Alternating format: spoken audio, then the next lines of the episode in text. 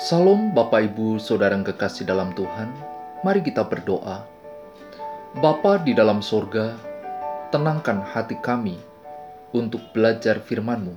Di dalam nama Yesus, amin. Tema renungan hari ini menempatkan harta milik. Matius pasal 6 ayat 24 berkata, Tak seorang pun dapat mengabdi kepada dua tuan, karena jika demikian, ia akan membenci yang seorang dan mengasihi yang lain, atau ia akan setia kepada yang seorang dan tidak mengindahkan yang lain. Kamu tidak dapat mengabdi kepada Allah dan kepada Mammon.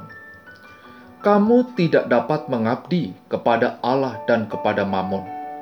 Arti kata Mammon adalah kekayaan berasal dari bahasa Kasdim, yang berarti rumah harta benda kekayaan sehingga kata tersebut dipakai juga untuk mempribadikan kekayaan sebagaimana tersebut dalam Matius pasal 6 ayat 24. Dan dalam Injil Lukas pasal 16 ayat yang ke-9 berkata, Dan aku berkata kepadamu, ikatlah persahabatan dengan mempergunakan mamon yang tidak jujur, supaya jika mamon itu tidak dapat menolong lagi, kamu diterima di dalam kemah abadi.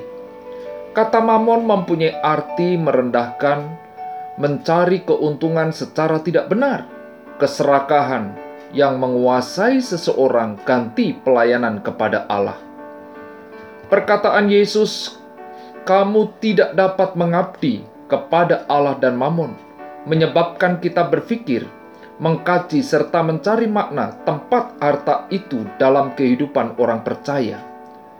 Prinsip pengajaran Yesus tentang harta milik bahwa semua harta milik adalah milik Allah. Hal itu dinyatakan dengan jelas dan tegas oleh Alkitab.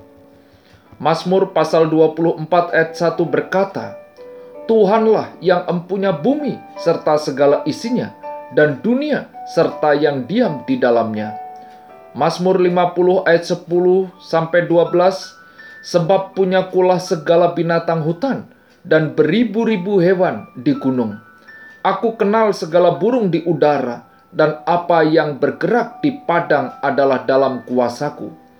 Jika aku lapar, tidak usah kukatakan kepadamu, sebab punya kulah dunia dan segala isinya. Manusia bisa memperjualbelikan harta benda, sampai batas-batas tertentu. Manusia bisa merubah dan mengatur ulang harta benda, tetapi manusia tidak dapat menciptakan benda-benda itu. Pemilik dari semua benda dan barang itu adalah milik Allah sendiri. Tidak ada satu benda pun di dunia ini yang dapat dikatakan sebagai milik manusia. Sebagai orang Kristen, percaya pengajaran Yesus tentang semua benda dan barang itu, kita hanya bisa berkata, barang atau benda ini adalah milik Allah, dan Allah telah memberikannya kepadaku untuk aku pergunakan.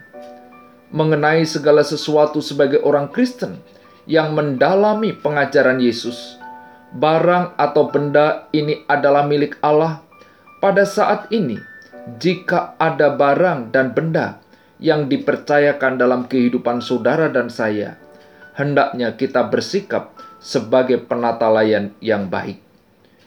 Rasul Paulus berkata dalam Roma 11 ayat 36, Sebab segala sesuatu adalah dari dia, dan oleh dia, dan kepada dia.